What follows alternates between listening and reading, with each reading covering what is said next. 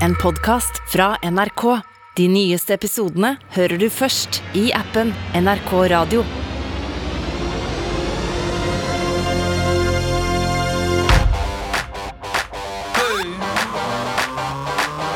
Popkorn over politikk med Sean Henrik Matheson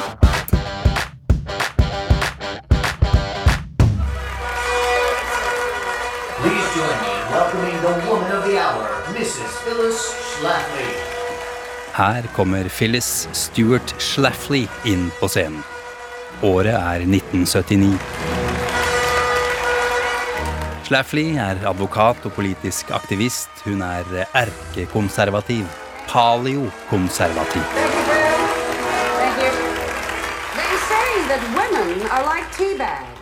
You don't know their strength until they get into hot water. And ladies, we sure did reach a boiling point. Tradisjon, slik det har vært og slik det burde være, er det viktigste. But when we saw that the devil was using one little word in that amendment, sex, to take away the rights of wives and give them to the homosexuals and to the abortionists. Og det er eksempel ikke tradisjon for at kvinner skal ha like rettigheter som heterofile menn. Skal kvinner bestemme over egen kropp? Hvorfor det? Det står jo ingenting om det i Bibelen. Det er jo ikke naturlig. Og kvinner skal da i hvert fall ikke få lov til å ta abort. We knew we had to fight back, and we are winning because we have God on our side. Derfor, i 1979, slåss Phyllis Schlafly med alt hun hadde for å få stoppet The Equal Rights Amendment. Et tillegg i grunnloven som skulle gi alle i USA, menn, kvinner, like rettigheter. Dette grunnlovstillegget var det i grunn stor enighet om blant politikerne på den tiden at jo, det vil vi ha. Men det var før Schlafly startet sin kampanje. The uh, end of the ERA, but the end of an era. We stand on a precipice, giving birth to a new mighty movement, a movement that will lead America back onto the right path. And together, we can take our country back. En kampanje som var så vellykket at dette tillegget ikke ble vedtatt. Og nå, over 40 år senere, er det stadig ikke vedtatt. Det er forresten fra HBO-serien Mrs. America vi hørte fra, og det er Kate Blanchett som spiller Schlafly. Over 40 år senere så mister kvinner rettigheter i stat etter stat. Ja, det er som om USA skrur tiden tilbake.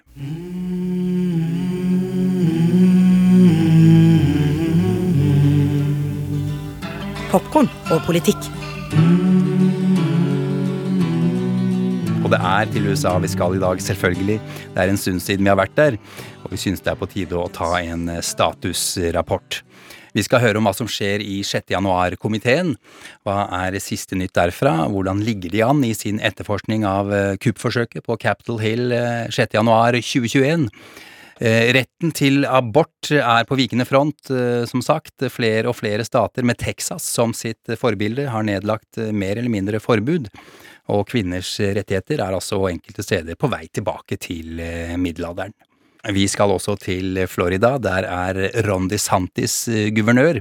Og han har av mange blitt utpekt til å bli republikanernes neste presidentkandidat, dersom Trump ikke stiller, selvfølgelig.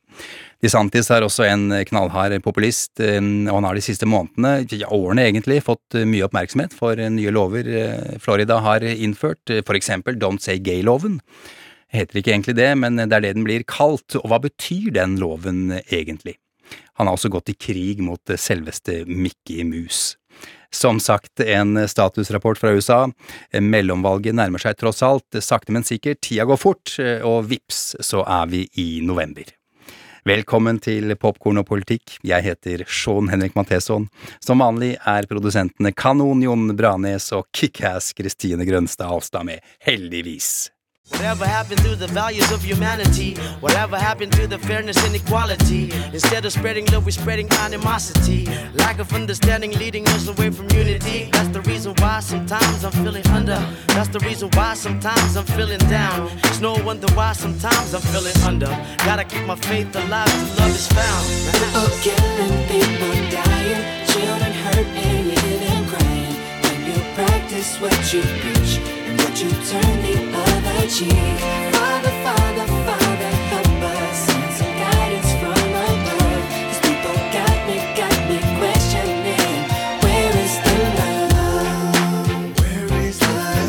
Popkorn og politikk. Hvor er kjærligheten? Det spurte Black Eyed Peas og Justin Timblake allerede for snart 20 år sia.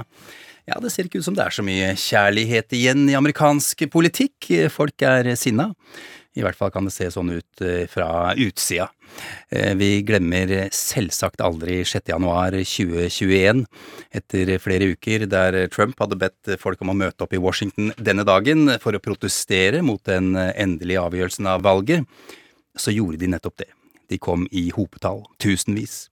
Og da Trump fra sin talerstol ba folk marsjere mot Kongressen og ba dem om å ikke være svake, men sterke, så gjorde de nettopp det også, marsjerte og var sterke, det vil si voldelige. Opprøret tok seg inn i The Capitol, herjet og vandaliserte USAs demokratiske høyborg. Politikerne i huset måtte gjemme seg under pultene sine, låse kontordørene sine, være helt stille. De fikk gassmasker, de ble evakuert. Og vips, USA var redusert til noe som ikke var noe annet enn en bananrepublikk. Der store folkemengder støtter en president, i dette tilfellet en wannabe-autokrat, som nektet å gå av etter et tapt valg. Fem mennesker døde. Select committee stands adjourned. United States House Select Committee on the January 6 Attack. Det heter komiteen som skal etterforske denne hendelsen. Den består av medlemmer fra Representantenes hus, sju demokrater, to republikanere, og starta arbeidet sitt 21. juli i fjor. Velkommen Sigrid Rege Gårdsvold. Takk for det. Kommunikasjonsrådgiver og kommentator for amerikansk politikk, punktum no. Når vi snakker om 6. januar, Sigrid, så er det litt sånn med dommedagsrøst og, og bekymringsrynker. Hvordan snakker amerikanerne selv om den dagen? Det varierer jo veldig etter hvem du spør, og hvor i USA du er. De snakker nok kanskje mindre om det egentlig enn vi skulle tenke at de gjør. Denne komiteen driver jo med arbeidet sitt, men så viser meningsmålinger som ble tatt opp like etter hendelsen i, i begynnelsen av 2021, mot slutten av 2021 og begynnelsen av dette året, at det faller lenger og lenger ned i bevisstheten til de fleste amerikanere. Er, er det på begge sider av spekteret, holdt jeg på å si? Delvis, men altså absolutt mest blant republikanere. Altså Oppimot åtte av ti republikanere mener at nå må man legge dette bak seg, mm. må slutte å mase om dette nå. Mm. Men så er det et stadig økende mindretall, blant, blant demokrater, som nok tenker at det å fortsette å på en måte harpe på dette er Det skader mer enn det hjelper, da. Men skulle tro at dette, det, en såpass stor og viktig hendelse ville sette ordentlig dype spor? At, mm. at, de ville rydde opp i det, for å si det sånn?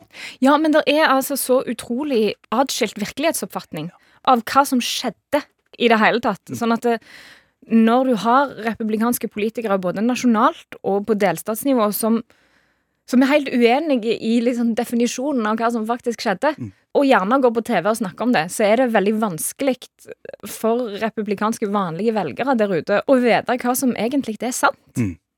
Hva er det viktigste denne kongresskomiteen har funnet ut av under etterforskningen, Sigrid?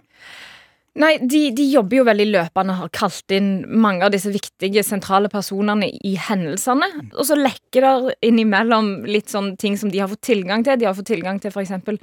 inngående og utgående tekstmeldinger på telefonen til Mark Meadows, som var stabssjefen til Donald Trump. Det lekka her i forrige uke. Og der er det jo mye som, som, ser litt sånn medium ut for en del republikanere. Marjorie Taylor Green, som jo mange av oss kjenner veldig godt til. Litt um, La oss kalle henne spesiell. Ja, det er hun som tror at uh, jødene har en, en, laser oppe i verdensrommet som har lagd disse skogbrannene. For eksempel. Hun er på det nivået der, ja. ja det, det, det, er omtrent der hun bor. Og hun, hun har teksta til Mark Meadows rundt eh, 6. januar at nå må Donald Trump innføre unntakstilstand. Mm. Eh, og det skal på en måte være en slags sånn guardrail mot at Biden kan ta over. Mm. Og det er jo selvfølgelig helt sprøtt, men det er òg et uttrykk for en ekstremt autokratisk tankegang. At dette er noe du kan gjøre. Og så ble jo liksom spørsmålet hva, hvor mye av dette tror Marjorie Taylor Greene og folk som henne på, og hvor mye sier de fordi at det er liksom politisk nyttig. Ja. Og dette var jo en tekstmelding som gikk så langt hun visste, ikke sant, bare til han. Mm. Og det sier jo noe om at langt inn i det republikanske partiet, selv om hun er på utkanten, så er hun Hun sitter i Representantenes hus. Mm. Sant? Og forfekte denne typen ganske sånn langt ute meninger, da. Jeg Skrev Marshall og eh, feilskrevet, forresten, eh, som jo er litt sånn typisk for sånne jeg håper å si nettroll. Vi fremstår som et nettroll, egentlig, og de skriver jo ofte feil. Ja da, det, det kan du si. Ofte så fokuserer vi jo en del på det, da, at å, hun skrev det feil og sånn. Og det er morsomt, og det er gøy, men det òg kan være med å, å gjøre at vi glemmer at det er helt sinnssyke ting Ja. Som er liksom meningsinnholdet i det hun skriver, da. Ja, ja, ja. Du har nevnt noen personer nå. Hvilke personer er det viktigst å følge hvis man liksom eh, først logger seg på denne prosessen? Nei, nå er det nok liksom selve komiteen, fordi at nå må de begynne å nærme seg en avslutning. Eh, mellomvalget kommer i november. Det er veldig liten grunn til å tro at demokratene kommer til å beholde flertallet i Representantenes hus, eller Senatet for den del, i november. Og da må denne komiteen ha konkludert Mm. og levert sin rapport før det. Ja. Sånn at det, nå er det, handler det først og fremst om hvor langt klarer de å komme. Mm. Hvilke konklusjoner klarer de faktisk å dra ut fra det vitnemålet og de tingene de har fått tilgang til? Da. Ja, og bare for å kaste inn det, det at demokratene sannsynligvis eh, taper flertall både i Huset og Senatet, er ikke noe uvanlig. Det skjer jo alltid eh, når du har en sittende president av det motsatte parti, bare for å si det, så ikke det har noe med for så vidt eh, situasjonen vi, vi er i nå. Eh, Du har nevnt det allerede, de bør, bli ferdig med etterforskningen før mellomvalget. Hvorfor er det viktig? Det er fordi at eh, det å ha flertall i Representantenes hus i dette tilfellet er veldig viktig. Da har en veldig styring på hva som skjer.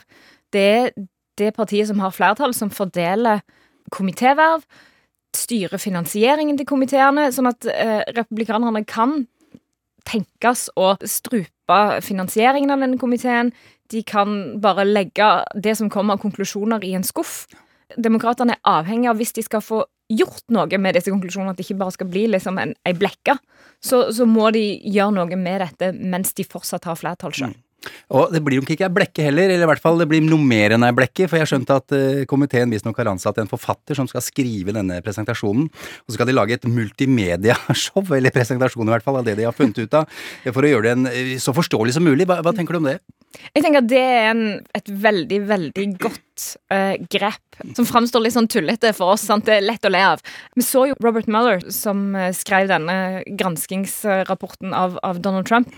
Det var en del ganske sjokkerende ting i den rapporten, men det drukna helt fordi at det var så grått, og det var ikke så sjokkerende som folk forventa at det skulle være. da. Mm. Lærte jeg lekse da? Vi skjønte jo ingenting av det han sa, nesten, da- vi satt og hørte på Robert Mueller. Mm. Det ble veldig juridisk og veldig tungt, og det vil de nok for all del unngå denne gangen, fordi at dette er jo Her skal det være mulig å dra noen ganske bastante konklusjoner. Vi skal jo ikke gjøre narr av amerikanere som ikke skjønner politikk heller, for vi skal jo ikke se så lenge på Stortingets spørretime på NRK2 før vi faller av, vi heller, egentlig. Men likevel, altså amerikanere ser ut til å velge folk som eh, tilsynelatende ikke gjør jobben sin i Kongressen, eh, men er veldig mye på sosiale medier. Følger du meg når jeg, når jeg sier det, Sigrid? Ja, delvis. Og det handler jo litt òg om, om hva en tenker at jobben de er valgt til, skal være. Mm. Folk som Marjorie Taylor Greene, som ja, mange av, hennes på en måte medspillere, Ted Cruz i Senatet for eksempel, er jo folk som stiller til valg egentlig på en tese om at det politiske systemet er ødelagt. Mm. Og at de kanskje reiser dit ikke så mye for å jobbe innenfor systemet som for å, å prøve å rive det ned og omforme det. Det samme kan du da si om Alexandria Ocasio-Cortez. Ja. eh, Den demokratiske representanten fra New York. Er det ikke drastisk, Sigrid, at de på et vis skal rive ned systemet, selv om de ikke tror på det? Altså, hva, hva- hva handler det om? Det handler jo om et inntrykk som nok har fått festa seg over tid hos mange, om at det har blitt så fastkjørt at det ikke egentlig er mulig å redde det. Amerikansk politikk er jo, som mange sånn topartisystemer, er veldig sånn sårbart for eh, splittelse og Eh, en har færre insentiver for å jobbe tverrpolitisk. Det gjør at det blir større avstand mellom partiene. Du har politiske donasjoner og penger som kommer inn fra ulike aktører som selvfølgelig ønsker å bruke disse pengene for å påvirke politikken. Og eh, det er mange faktorer som gjør at det er kanskje vanskelig å se for seg at en skal få til den endringen som en ønsker, hvis en har meninger som er radikalt skiller seg fra det som er på en måte generelt akseptert politikk Mm. i USA. da. Kan det være sånn at amerikanere er mer opptatt av, av politikere de ser, f.eks. i sosiale medier, enn de som liksom sitter nedgravd i Senatet eller Kongressen og, og gjør jobben, liksom? Og at de blir borte, liksom? De, de som gjør jobben? Jo, men absolutt, fordi at det, det handler jo òg om at landet er så utrolig stort. Medievirkeligheten er så utrolig fragmentert. For en lokalpolitiker i Norge så kan du og dine folk kan banke på alle dører i kommunen. eh, hvis ikke du eh, hører det i Oslo, ikke sant. Det er i stor grad ikke mulig i USA. Du må bruke media for å komme ut til folka dine. Og da må du gjøre deg i media, og da må du bruke en del tid på å lære deg hvordan du gjør det. Tilbake til 6. januar og, og tida før eh, og etter, eh, som også denne da, kongresskomiteen eh, etterforsker. Du har vært inne på det allerede, Sigrid, men det viktigste som har skjedd de siste dagene, i hvert fall siste uke, er disse tekstmeldingene fra stabssjefen til Donald Trump, Mark Meadows. Det var jo over 2300 stykker. Hva, hva står det der utover det du fortalte om Marjorie Taylor Green? Nei, det, er jo der er en del forskjellig. Det er meldinger fra medlemmer av Kongressen under 6. januar-angrepet som ber om hjelp, som ber om å si vi, vi må få, dere må gjøre noe, dere må sende inn folk her, og det vet vi jo at det gjorde de ikke. Og så er det på den litt mer sånn humorsida, så er det meldinger fra, fra Rudy Giuliani, eh, som var advokaten til Trump, og teamet hans som tekster Mark Meadows om eh, hvilke flybilletter de trenger for å reise til et eller annet sted. Det skulle tro at det fantes et sted lavere i systemet de kunne rette den henvendelsen, men det, det gjør Rudy åpenbart da rett til stabssjefen. Høres litt typisk Rudy Giuliani ut, eh, egentlig. Veldig. Peak Rudy Giuliani. er det. Jo, og så er det da lekket et eh, lydklipp eh, med republikanernes leder i Representantens hus, Kevin McCarthy, eh, i et telefonmøte med resten av lederne i partiet, blant annet Liz Cheney, som jo da sitter i denne komiteen, faktisk. Der diskuterer McCarthy åpent om Trump burde gå av i dagene etter kongressangrepet, og at alternativet var at regjeringen han skulle avsatt ham da, altså den såkalte 25. grunnlovstillegget, er ikke det, Sigrid? Jo Det stemmer. når da presidenten er uegnet til å styre landet. Kan høre på klippet her når Cheney spør om Trump er da troende til å gå av, svarer eh, McCarthy. Vel, eh, dere kjenner jo ham, dere også. Is is there any chance? Are you hearing that he might resign? Is there any reason to think that might happen? I've had some few discussions. My gut tells me no. Um, I'm seriously thinking of having that conversation with him tonight. I haven't talked to him in a couple days. From what I know of him, I mean, you guys all know him too. Do you think he'd ever back away? But what what I think I'm going to do is I'm going to call him. Ja, han tror han skal eh, ringe, altså. Og dette er da mannen som fortsatt er favoritt til å ta over som speaker i Representantenes hus etter eh, mellomvalget, når eh, republikanerne da, som vi har vært inne på, etter alle solemerker eh, får eh, flertall. Hva synes Donald Trump om, om den uttalelsen? Altså, Med en gang dette klippet kom ut, så skal folk ha det til at Kevin McCarthy heiv seg på telefonen og ringte til Trump. Og Trump har sagt etterpå at han, eh, han likte ikke denne uttalelsen, men han liker Kevin McCarthy. Ja, okay. Sånn at det, de har åpenbart å skvære opp. Denne påstanden om at McCarthy hadde sagt dette, kommer jo i et utdrag fra en bok som snart kommer fra noen New York Times-journalister. Og så sier Kevin McCarthy nei, det har jeg aldri sagt! Og så går det vel, det vel, går det vel en halv dag, og så er det lydklippet da på nyhetene på Rachel Maddow sitt Ja, ja. eh, show på MSNBC. Uh, dette er jo en god illustrasjon egentlig på hvor amerikansk politikk, og kanskje spesielt det republikanske partiet, er akkurat nå. fordi at eh, når da andre medlemmer av Kongressen blir spurt, f.eks. senator Roy Blunt, eh, blir spurt eh, ja, hvordan skal det amerikanske folk kunne stole på Kevin McCarthy når han bare lyver på denne måten, så sier han Nei, det var vel mange som sa mye de to ukene der etter 6. januar. Så det, det er en helt sånn fullstendig indifferens da, Ja. til hva som egentlig er sant. Det har ikke noe å si, og folk har vel eh, spekulert på om det skulle få noe, noe følger, noen særlige følger for McCarthy. det Det blir, eh, blir glemt altså nesten umiddelbart. Det er eh, mellomvalg eh, i november. Eh, Nye representanter skal inn i begge kamrene i Kongressen, både i Representantens hus og, og Senatet, og nye guvernører skal velges. Hva slags program er det republikanerne stiller til mellomvalg på? Altså bortsett fra at det ikke skal være Joe Biden som sitter her, liksom. Sånn det ser ut nå, så er det et par ting. Altså, det virker som om veldig mange av de republikanske kandidatene som kommer til å komme seirende ut av En er jo stort sett ikke ferdig med nominasjonsvalg i de fleste steder ennå, så det er med et lite forbehold der. Men de fleste eh, kandidatene som kommer til å være kandidater i høst, heier på Donald Trump. En mener at valget var stjålet. Det virker som det har liksom blitt en sånn sentral del av valgprogrammet til mange republikanere. Det andre eh, handler om, om skoler. Det handler om koronatiltak i skoler. Woke-politikk, ikke Mm, sant? mm. Og, og hva som skal undervises i skoler, om, om rase, om, om kjønn og seksualitet og sånt. Og så handler det kanskje først og fremst og det hadde det handla om uansett hva republikanerne sa eller ikke, om økonomi. Om økonomi. Fordi at økonomien er ordentlig dårlig nå. Mm.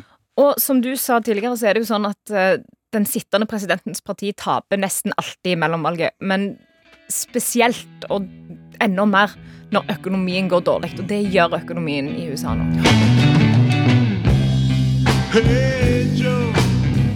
Kjapt om eh, demokratene og, Biden, åssen står det til eh, på den sida?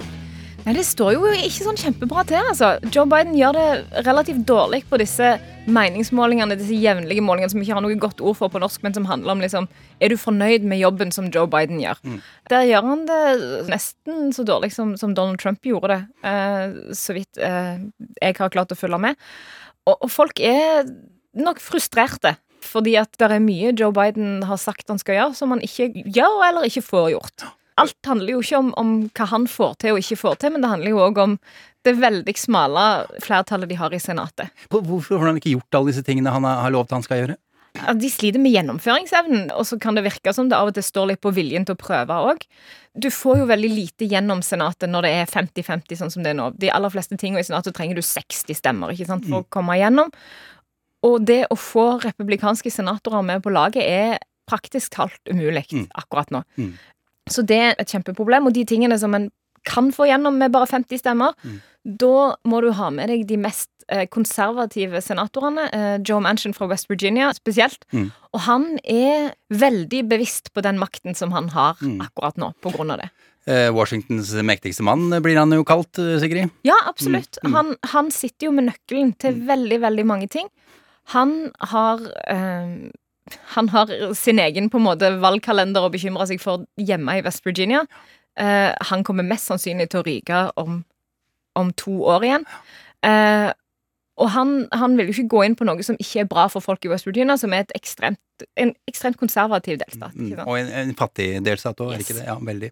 Eh, Hvorfor ryker han? Ryker han da til en demokrat eller til en eh, republikaner, tror du? Til en republikaner, Ja, absolutt. Det, det, det, er, ja. det er veldig vanskelig å se for seg at han skal klare å ta og holde på det setet da i, i 2024. Mm. En av sakene som alltid splitter USA, det er abortsaken. Eh, Den splittet eh, før Høyesterett slo fast eh, retten til fri abort. Den har gjort det i alle de 50 åra siden kjennelsen, og den kommer til å gjøre det i minst 50 år til, tror jeg, etter at denne høyesteretten kanskje snur og åpner for forbud igjen.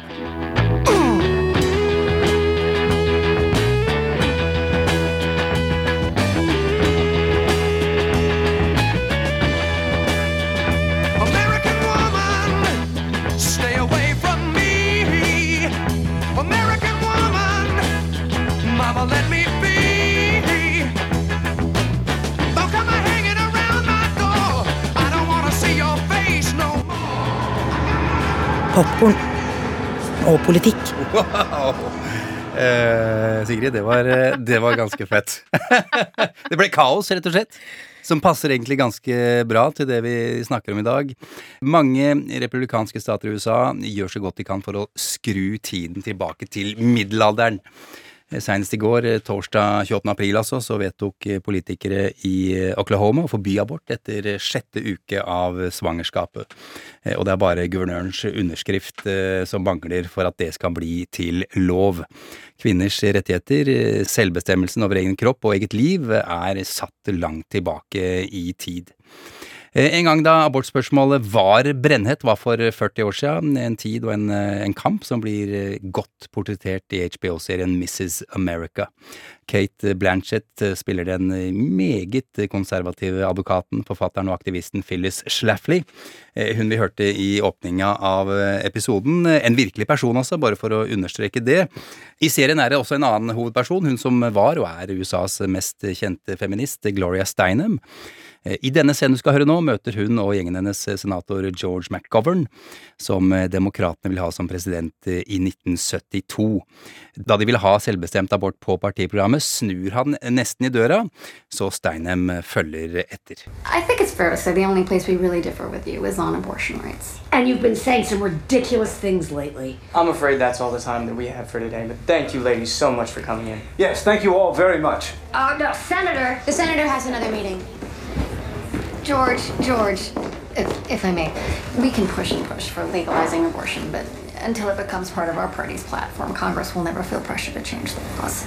If George even mentions the word abortion at the convention, Nixon will hang it around his neck like a millstone. So, what if we use a more general term, like reproductive freedom? It's broad enough to include not just abortion, but repeal of birth control laws, laws on sexual orientation, forced sterilization. That's interesting. You got into this race to get us out of the war. This is our Vietnam. Dette er vårt Vietnam, sier Gloria Steinem til George McGovern. Han kjempet for å få USA ut av Vietnamkrigen. Men abortsaken, eller reproduktiv frihet, som Steinem prøvde seg på her, kom ikke på agendaen hans fordi han fryktet velgerne. Og så tapte han, og Richard Nixon ble gjenvalgt. Men det var altså McGoverns folk som ble avlyttet i Watergate-bygningen. Bare så det er sagt. Eh, og det som foregår nå, det er noe vi har snakka om her eh, før i Popkorn og politikk, også i vår forrige pod, Trump mot verden. Eh, I september i fjor fikk Texas en ny abortlov, gjør forbudt med abort etter seks ukers svangerskap. Etter seks uker kan man nemlig begynne å høre hjerteslag. Eh, Intet unntak for voldtekt eller incest. Eh, I tillegg gir loven eh, anledning til alle og enhver å saksøke de som tar abort, og alle som hjelper til med aborten. Leger og sykepleiere selvfølgelig, men selv taxisjåføren som kjører kvinnen til klinikken, kan bli saksøkt. Saksøker kan også være anonym, og taper kvinnene, eller de som da eventuelt har hjulpet henne, så risikerer de å få en bot på minst 10 000 dollar. Saken var oppe til behandling i USAs høyesterett. Fem av ni dommere bestemte seg for at de ikke ville blande seg inn og blokkere denne loven i, i Texas. Verdt å merke seg er at alle de tre høyesterettsdommerne som Trump fikk valgt inn, stemte for at loven kunne iverksettes. Eh, og det mange har hevdet eh, vil bli Donald Trumps sterkeste ettermæle, altså få til dels ultrakonservative dommere inn i Høyesterett, merker nå amerikanske kvinner på kroppen, bokstavelig talt. Nå er ikke saken helt ferdig. Aktivister forsøker å få stoppet dette gjennom rettssystemet. Senest for et par dager siden så ble et forsøk stansa i en føderal domstol. Eh, Og denne loven i Texas er så snedig og godt skrevet at det rett og slett er, vanskelig å gjøre noe med den. Sigrid, hvilke andre stater er det som har fulgt etter Texas? Nei, det, er jo, det er jo flere delstater som har, har implementert lover som ligner på Texas sin Oklahoma, for eksempel. Den, den er i struktur ganske lik.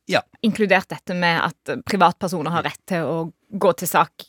Og det er jo akkurat den spissfindigheten som gjør at det er vanskelig for aktivister å komme til i rettsvesenet, fordi at det handler om hvem har rett til å gå til sak mot denne loven. Hvem er rett saksøkt, Mm. når delstaten ikke egentlig tar noe med hvordan loven håndheves. Sånn at det har vært litt krevende. Eh, og så er det jo flere delstater som har lover som er restriktive på andre måter. Lovene som er i Texas og Oklahoma, for eksempel, og som er på trappene og andre steder, det er lover som vi òg med norske briller eh, skjønner at det er veldig ekstreme. Det er jo en lov som nå ligger hos Høyesterett til behandling, som skal avgjøres før sommeren, fra Mississippi. Der grensa satt på 15 uker, som jo er lenger enn en den abortgrensa vi har i Norge. Sånn at for oss så framstår kanskje ikke det som en sånn voldsom innsnevring. Men grunnlaget i USA, som har ligget i 50 år fra 1973, det er at det er lov med, skal være lov med abort inntil levedyktighet på fosteret. Mm. Som i 1973 ble definert som 24 uker, og så er det litt sånn Er det 22 uker nå? Er det 24 uker? Ja. Og all innsnevring utover det kan da i teorien være grunnlag for at en tar det til Høyesterett for å finne ut om en sånn lov er grunnlovsstridig. Mm. Det er da denne loven fra Mississippi som ligger nå. Det som vi hørte i går, nå når vi tar opp, er at det ikke er uh, høyesterettsjustitiarius uh, Roberts som skriver dommen for flertallet. Det betyr mest sannsynlig at det er de fem mest konservative dommerne som har vunnet gjennom med sitt syn. For han er jo konservativ, men kanskje mer sånn mot midten enn da de fem andre. Og det kan bety at vi ser slutten på eh, fri abort i USA i løpet av et par måneder. Ah, så du er eh, pessimistisk? Eh, I utgangspunktet, ja. Ja. Fordi at eh, eh, hvis en nå kommer med en dom Det er klart, det kommer an på hvordan den dommen da er skrevet, men hvis det nå kommer en dom som sier at det er helt greit Mm. å begrense abort til 15 uker, Mm. så setter en en ny standard for hva som for abortrettigheter i USA. Mm. Og det vil føre til at eh, en hel haug med delstater Det er rundt 20 som har det vi kaller for trigger laws, som eh, settes i verk umiddelbart hvis det kommer en dom i Høyesterett som gjør at de er lovlige. De har klare lover som bare Yes. banker på med en Yes. gang, liksom. Men, men du nevnte at eh, Roberts ikke skulle skrive den loven. Hvorfor skulle han ha gjort det? Eller hva handler det om? Hva er er forskjellen på at han skriver det, og noen andre av disse fem skriver det? Jo. Når John Roberts er mer moderat enn de fem andre konservative dommerne, eh, så kan en tenke seg at hvis det var han som skulle skrive altså det som en kaller for the opinion of the majority, så hadde det betydd at han hadde nådd gjennom med et mer moderat syn. Hadde han tweaka dom, eller Yes. loven til å passe litt, være litt mildere, for å si, bruke noen teite ord Ja, ja, ja nettopp. Ja, ja, ok. da, da ville en ha fått en dom som var kanskje smalere og ikke ville gjelde på en måte så bredt at den feller de gamle dommerne. Eh, Men når det da ikke er han som skriver det, så kan det bety at de konservative ikke har klart å bli enige med han Mm. om en dom. Og selv om det ikke betyr nødvendigvis at vi ser liksom slutten på fri abort i USA, Mm. så er det ikke et godt tegn. Det er forresten eh, 30 stater som har introdusert eh, forbud mot abort bare dette året. Eh, Noen har gått igjennom, eh, som du sier, Sigrid. Andre har det liksom på blokka, jobber videre med det i deres eh, lokale mm, kongress, da. Ja, men i de aller fleste delstatene der sånne lover eh, har gått gjennom, så har det blitt stansa av eh, rettsvesenet. Mm. Så det er kun Texas som akkurat nå har en lov som er så begrensa. Mm. De aller fleste er det fortsatt lover fra 15 uker og oppover. Ja. Alle steder det har kommet sånne lover, så er det nå i en prosess i rettsvesenet. Hvis vi setter dette her inn i, en, eh, til et eh, historisk eh, perspektiv Jeg har sagt middelalderen her mange ganger. Litt tullete, selvfølgelig, men ikke helt heller. Når pågikk det en lignende kamp for kvinners rettigheter i USA? Nei, det, vi må nok vi må tilbake til Phyllis Schlafly og, og den gjengen i, i Mrs. America. Det er på, på 70-tallet at veldig mange av disse store kampene står for 50 år siden. Det handler jo både om liksom seksuelle og reproduktive rettigheter, som Gloria Steinem snakka om da, og så handler det jo om, om generell kamp for likestilling utover det. Mm.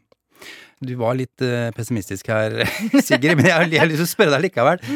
Finnes det noe, noe håp for at dette skal snu? At statene kan snu selv, hvis det skulle skje noe i Høyesterett? Kan, kan statene ta ansvar selv, eller blir det da føderal lov som, som alle stater må forholde seg til?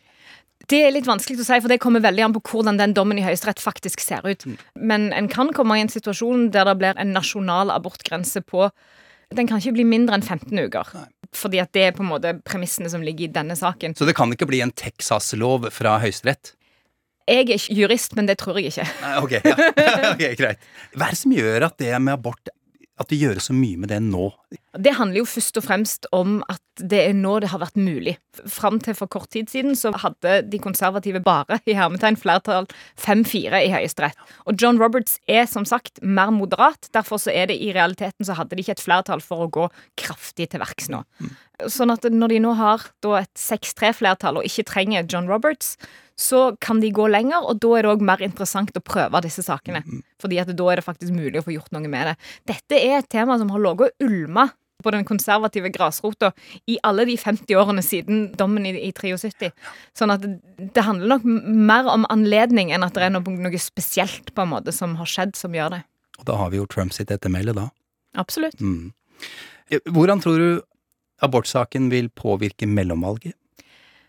Igjen så kommer det litt an på hvordan dommen i Høyesterett i juni ser ut. Hvis den dommen går ganske hardt til verks, og i- i praksis innfører en nasjonal abortgrense på 15 uker, så vil det, tror jeg, virke ekstremt motiverende for demokrater.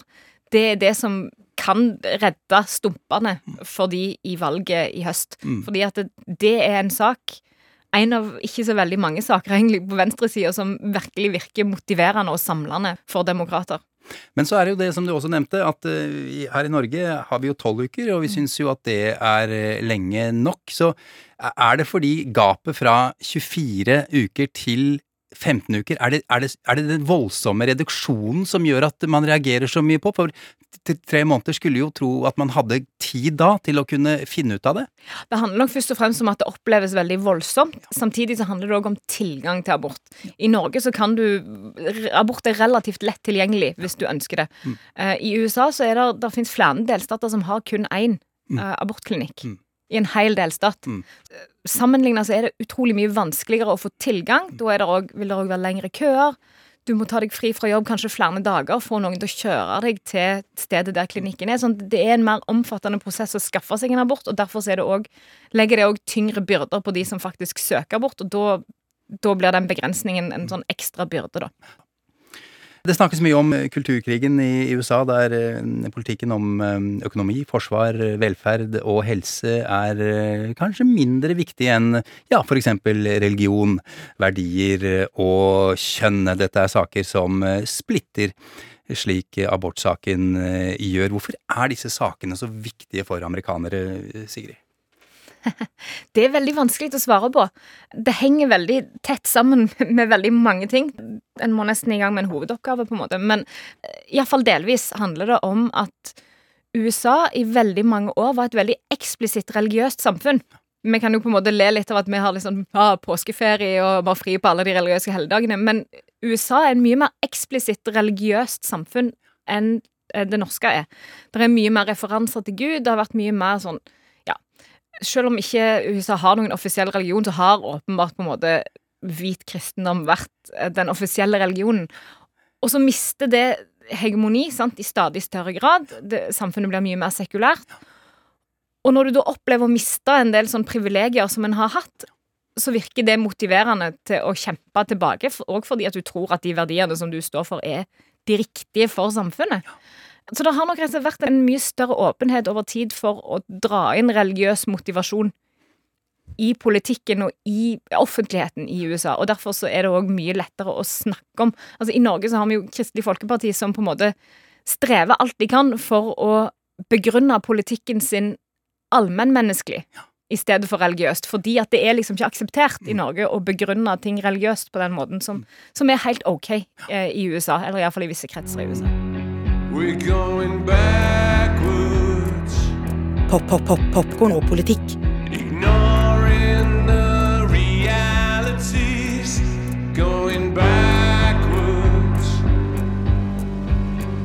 Are you counting all the casualties?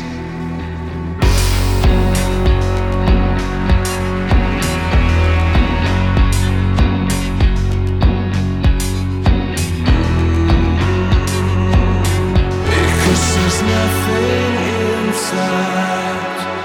Deppers Mode der, eh, Sigrid. Noe du vil høre mer på, eller? Ja, den var fin. Sigrid er ikke helt overbevist, det er eh, greit. Vi skal til eh, The Sunshine State, Florida, et sted vi ikke har vært eh, noen av oss, eh, Sigrid. Eh, ligger eh, selvsagt helt sørøst i USA. Eh, du som hører på har kanskje vært der og bada med delfiner. Kjørt ned til The Florida Keys i, i leiebil uten tak. Dette står på min bucketlist, det er helt sikkert. Ja, kanskje ikke det med delfiner, forresten. Jeg stoler ikke på dem. Jeg tar ingen sjanser der. Siden det handler om amerikansk politikk i dag, så går det selvfølgelig ikke an å snakke om Florida uten å snakke om han som styrer denne staten. Han som nå eh, posisjonerer seg som en av de viktigste kulturkrigerne i amerikansk eh, politikk. Og med det kanskje som republikanernes eh, neste presidentkandidat. Ron DeSantis, selvfølgelig. Guvernøren i Florida. Ble valgt til guvernør i 2019, så vidt det var. Det måtte i hvert fall en omtelling til. Før det så satt han i Representantenes hus fra 2012, kasta seg på all mulig kritikk av Robert Muellers etterforskning av russisk innblanding i presidentvalget i 2016, og ble med det en veldig god venn av Trump. Og trumpist på sin hals. Hva står han for, Sigrid? Som guvernør så har han jo profilert seg kanskje mest av alt som kritiker av Joe Bidens koronahåndtering. Han har vært eh, veldig imot altså alle sånne lover om munnbind. Han var veldig tidlig ute med å åpne opp igjen delstaten. Business må opp og gå igjen. Og det har jo òg ført til at økonomien i Florida har tatt noe mindre skade egentlig av koronapandemien enn en del andre delstater har. Og så har de jo hatt ganske høye dødstall. Har relativt altså litt lavere vaksinasjonstall enn en del andre delstater. Og det er jo på en måte De tingene går jo litt hånd i hånd, dessverre. Ja, visst gjør det det. Og så er det selvfølgelig gammelt nytt at han er imot abort og kunstig befruktning og alle disse tingene her. Jeg tror heller ikke på systemisk rasisme. Critical race theory, som ja, forskningen på det feltet heter. Imot våpenkontroll, imot Obamacare ja, noen eksempler der, altså. Men han har dratt til enda hardere den siste tida. Innført nye lover som gjør at ja, gjør livet enda trangere i, i Florida.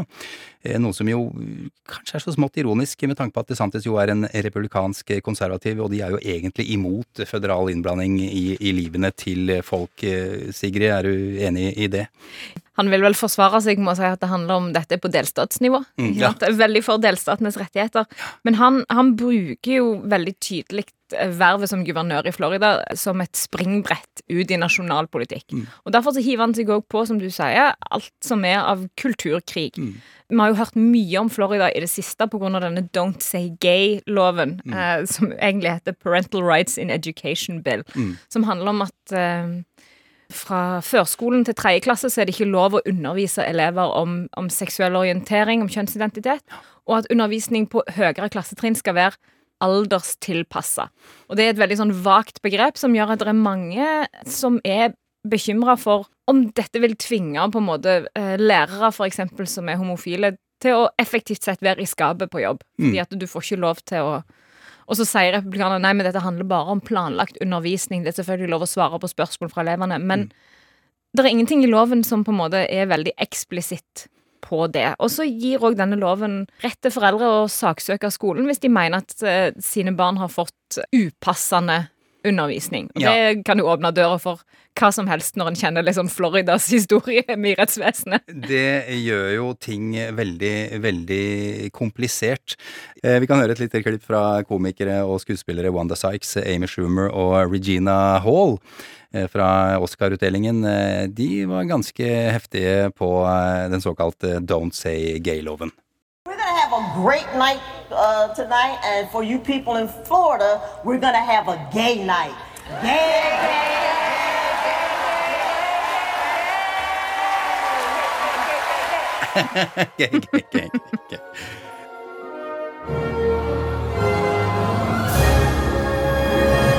Så har jo Disney kasta seg på der, eh, Sigrid. Eh, Hvordan ble dette her en diskusjon om Disney World? Når, når det innføres denne typen stramme, konservative lover, så blir det gjerne et rop fra liksom, aktivister om at bedrifter som har stor business i den aktuelle delstaten, skal ta et standpunkt.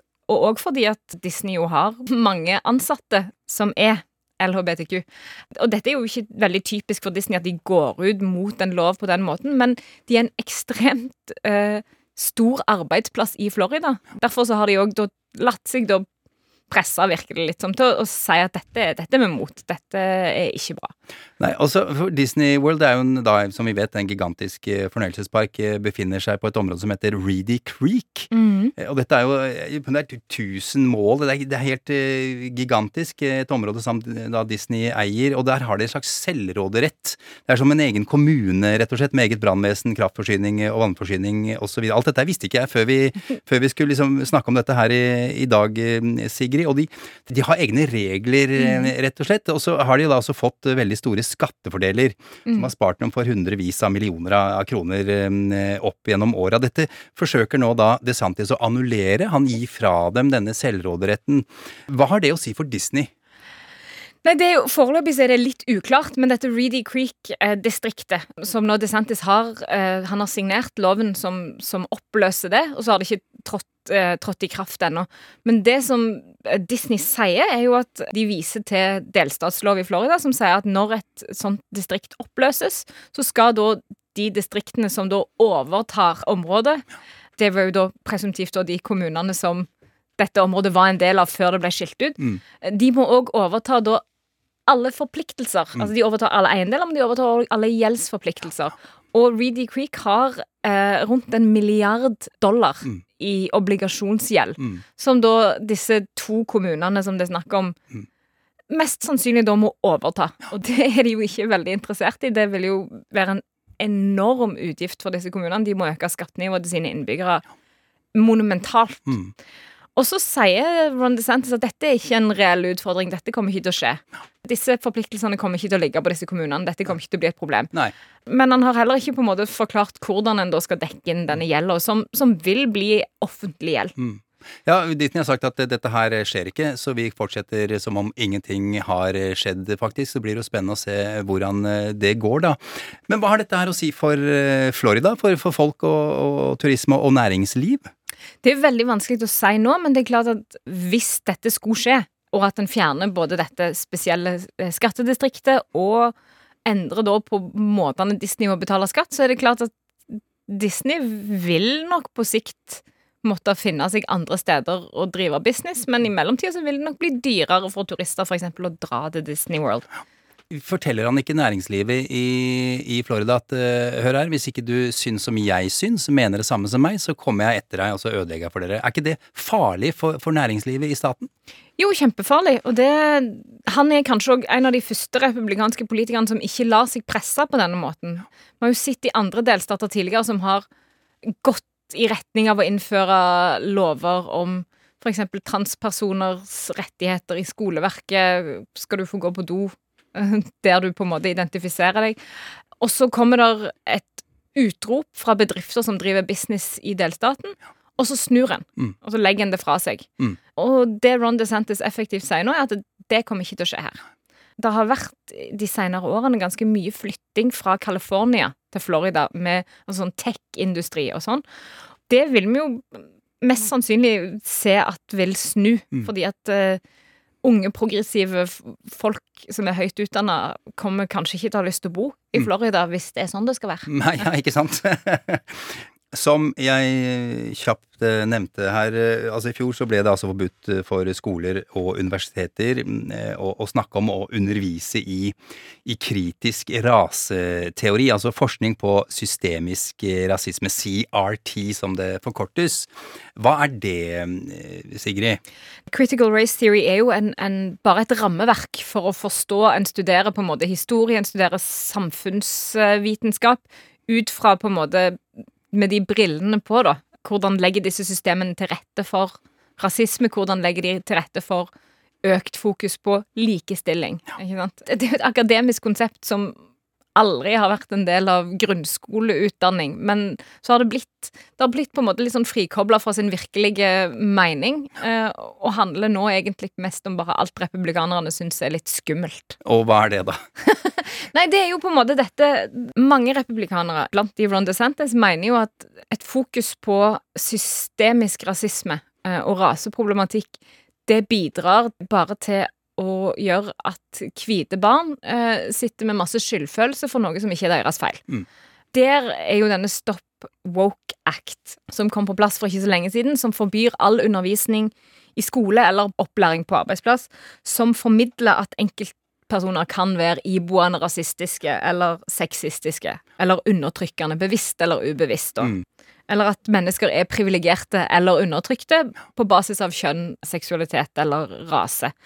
En skal på en måte ikke kunne snakke om strukturer. En kan snakke om at eh, eh, konsekvenser av rasisme for enkeltpersoner. En kan snakke om konsekvenser av slaveri for enkeltpersoner, men ikke på en måte en del av det systematikken. Det skal ikke være lov å si at du er veldig heldig Mm. som er født hvit, Mm. for eksempel. Mm.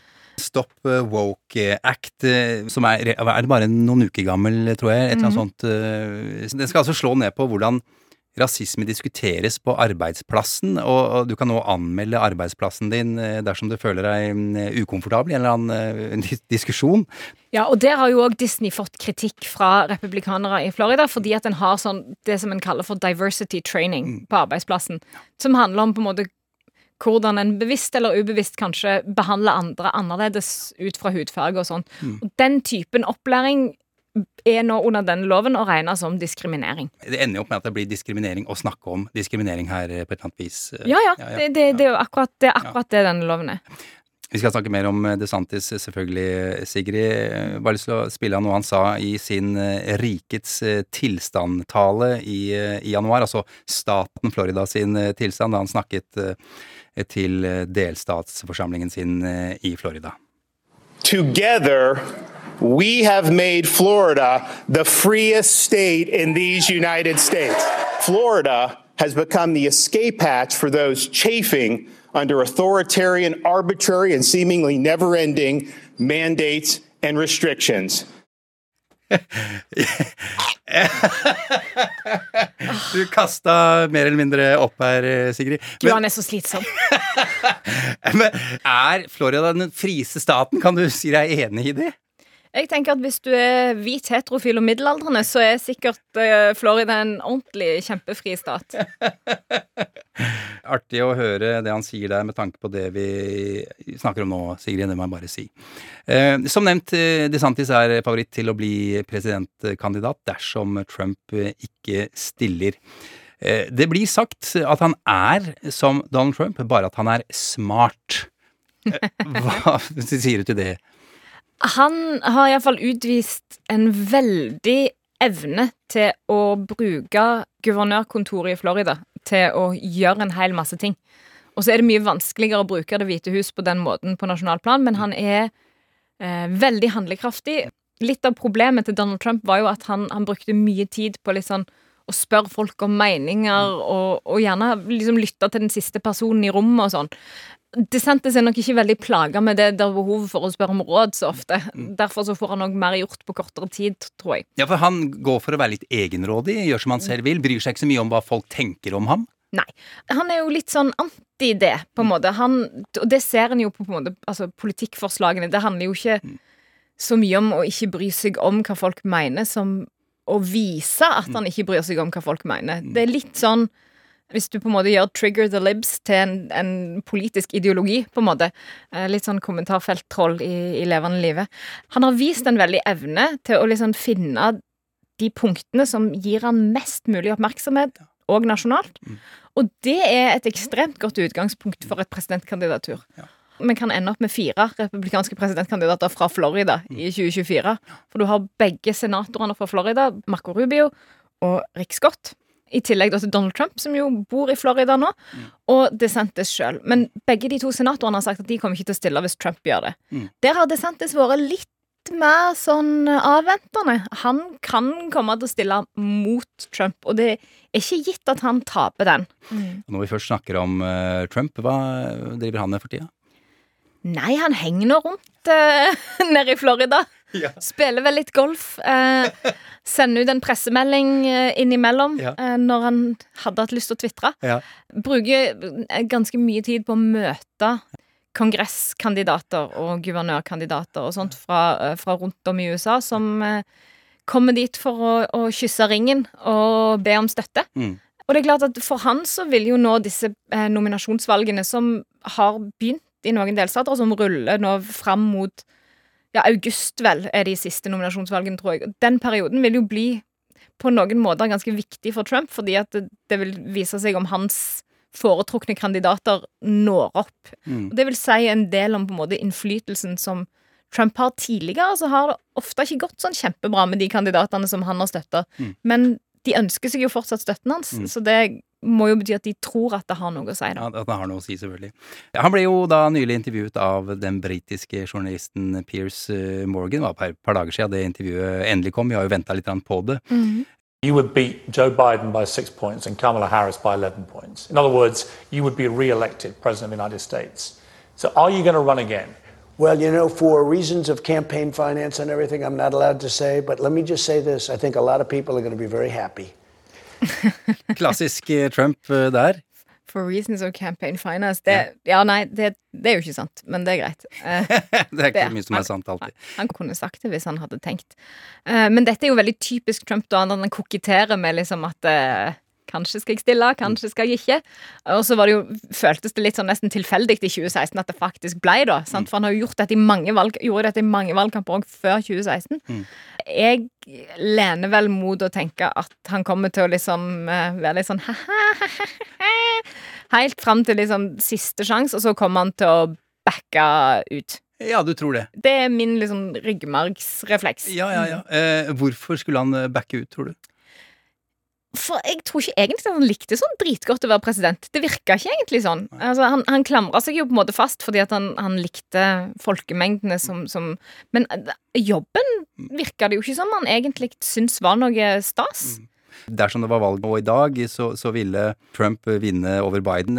Er det sant, ja, den er sagt? Det er helt sikkert meningsmålinger som viser det. Det høres ikke feil ut, det. Til det så er det vel egentlig bare at meningsmålinger er jo ikke valg. Men har han populariteten i befolkningen som han hadde, tror du? Eller Akkurat nå har han det. Rundt 70% av republikanske velgere sier at de ønsker at han skal stille på nytt. Men det er jo et, et tall som er en del lavere enn et tilsvarende tall ville vært for bare et år siden. Eh, Ron DeSantis er på veldig på stigende kurs. Mm. Det er mange som ser på han, som du sier, som en, som en nesten Trump, men allikevel et nytt fjes. Og så er han han er godt voksen. Han er jo Han er vel yngre enn Joe Biden, men ikke med så mye. Men nærmer seg 80 med stormskritt. Yes. Ja. Uh, og det Ja. Jeg, jeg tror ikke at han kommer til å ville utsette seg for det på nytt. Mm. Så det er klart at Kamala Harris er lite populær, og det kommer antagelig òg til å være lite populær som en potensiell presidentkandidat. Men det er fortsatt en del som kan endre seg mellom nå og når valgkampen liksom strammer seg til i 2024. Vi kan jo ikke runde av dette her med holdt på å si, DeSantis, Florida, Disney og Trump eh, og presidentkandidater uten å snakke om eh, Mike Pence. Mm. Han er jo en eh, kollega, faktisk, av, av meg og oss her i, i NRK. Gjennom hele 1990-tallet så var han konservativ programleder på talkshow på talk radio i hjemstaten Indiana, samtidig da som han var politiker. Hør på det her. And just take a moment to say thanks to all of you listening, men and women, who ever served this country in any way, shape, manner, or form. Patos, eh, kan vi vel si, Sigrid? Ja, de, de er jo glad i liksom Amber Waves of Grain, og, Ja. som er teksten på musikken som gikk i bakgrunnen. Det er veldig sånn eh, Ja, jeg syns ikke det er god radio, men det, jeg er ikke en fagperson, så det kan jeg ikke svare på. Ja, Ganske flott stemme, det skal han jaggu ha. Eh, alle sånne talk eh, radio-programledere er jo sinna. Og iblant de tingene Pence var sint på, var Disney-filmen Mulan. Dette har han skrevet en kronikk om. Eh, Jeg vet ikke om du husker filmen om den kinesiske jenta som blir soldat eh, og, og redder keiseren. Det var liberal propaganda for kvinner i militæret, skrev eh, Pence. Mhm. Dette her eh, var jo da i slutten av 90-tallet. Mm. Det var jo da ganske langt ute på, på sida å, å melde inn noe, noe sånt da, eh, Sigrid. Men Mm. uh, i dag er det jo nesten stuereint å si sånne ting. Ja, mainstream i det republikanske partiet har flytta seg et, et godt stykke til høyre på en del sånne ting. Det var en ganske sånn aparte øvelse da å drive og finne litt sånn skjulte budskap i, i Disney-filmer. Nå er det veldig mye mer vanlig. Det er en, en litt sånn populær aktivitet egentlig på amerikansk høyreside å se på disse filmene og prøve å finne de skjulte budskapene som skal påvirke våre barn. Liberal retning. Mm. Litt sånn som tungrockplater baklengs også. Nettopp. I- i- Må, må, Altså- må ikke glemme det. Men eh, Pence, da, bare for å, for å si det, så går det kanskje an å si at han eh, nærmest eh, egenhendig stoppa statskuppet til Trump eh, 6. januar ved å ikke gå med på å hive ut eh, valgmenn og få inn eh, nye Sigrid? Ja, ja det, det kan du si. Uh, og det, det er nok ikke for så vidt noe han er veldig interessert i å ha på seg, at han, at han redda USA. Men hvis han skulle ha gått med på planen til Trump, så, så ville jo det ha medført endeløse runder i rettsvesenet. For at det, han hadde nok helt rett i at han hadde ingen autoritet til å faktisk gjøre det som Trump ville at han skulle gjøre. Mm. Men han skal jo for all del på det begrensa området ha kred for at han, han gjorde det, da. Hva slags sjanser har han hvis han eh, skulle finne på å stille som eh, presidentkandidat, tror du? Ganske gode, men jeg tror at han For han så framstår ikke liksom den der er sånn oppildna kulturkrigerrollen Faller han ikke så naturlig. Han er jo, som, som, du, som du sier om radiostemmen hans, litt sånn nedpå og, og rolig. Og det, det tror jeg ikke er en, en stemning som, som treffer.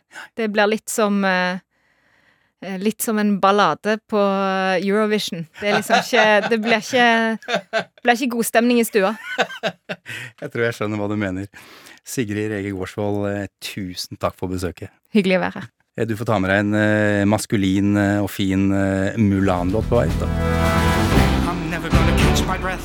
Say goodbye to those who knew me. Boy, was I a fool in school for a cutting gem. This guy's got him scared to death. Hope he doesn't see right through me. Now I really wish that I knew how to swim. We must be swift as the coursing river, with all the force of a great typhoon,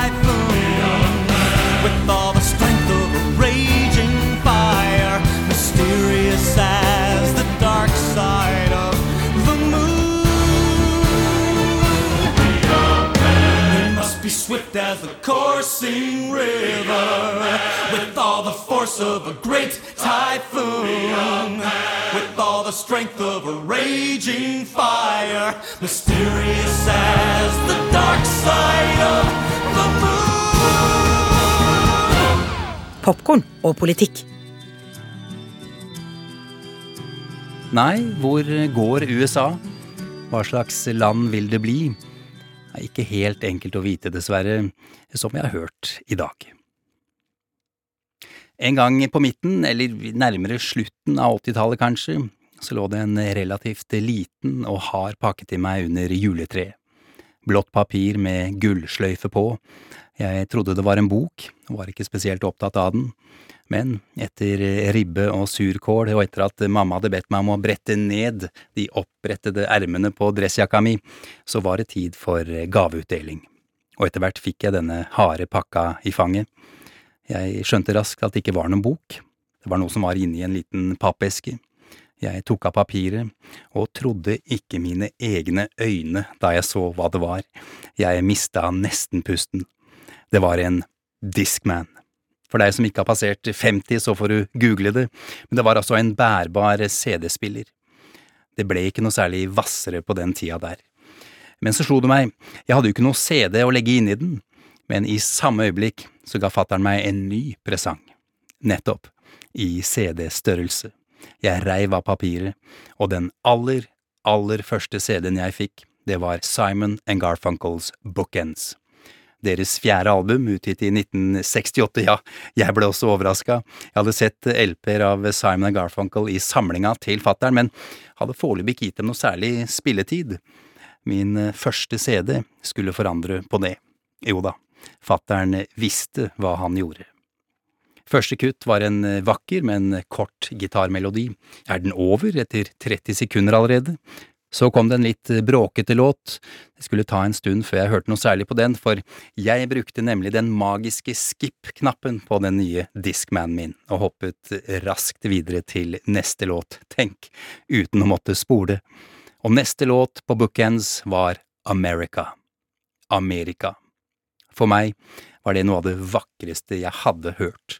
Jeg lå på gulvet ved peisen, jeg hørte den på nytt og på nytt, jeg fikk ikke nok om to unge mennesker som tar bussen og som haiker øst i USA på jakt etter Amerika.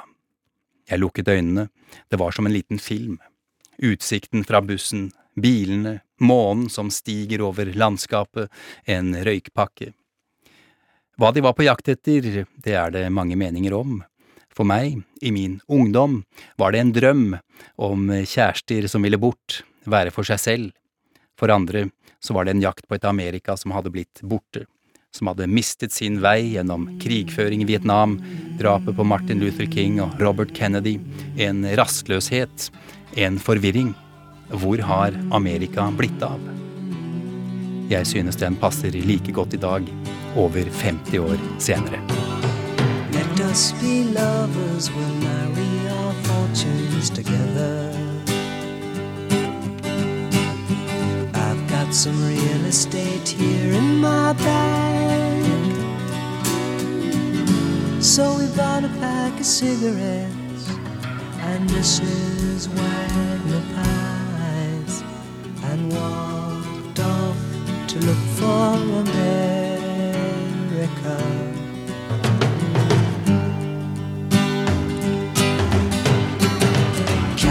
I said as we boarded a Greyhound in Pittsburgh. Michigan seems like a dream to me now. It took me four days to hitchhike from Saginaw. I've come to look for America. Laughing on the bus playing games with the faces. She said the man in the gabardine suit was a spy. I said, be careful, his bow tie is really a camera.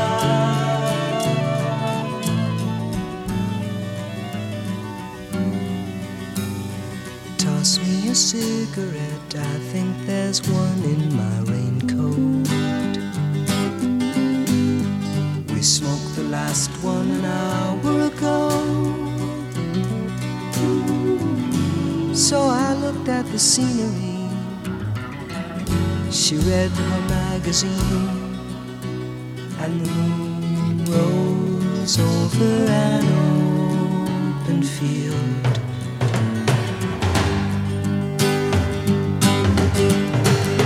Kathy, I'm lost, I said, though I knew she was sleeping.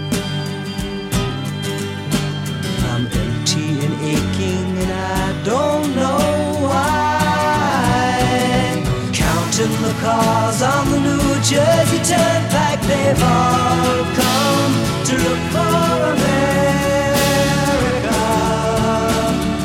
All come to look for America.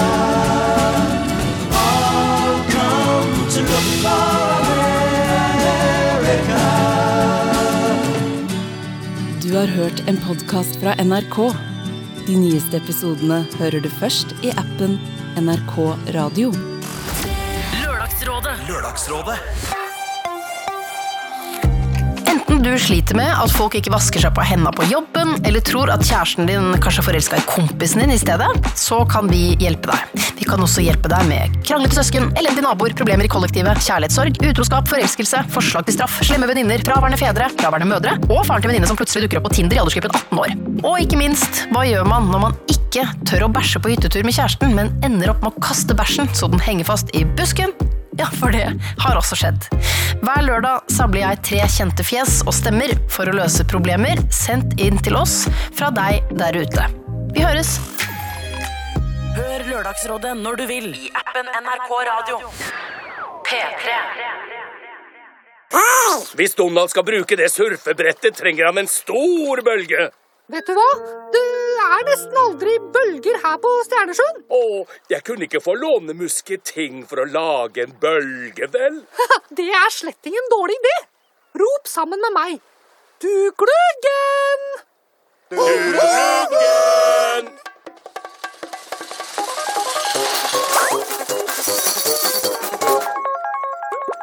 Hmm. Alt vi har igjen, er en elefant i bikini.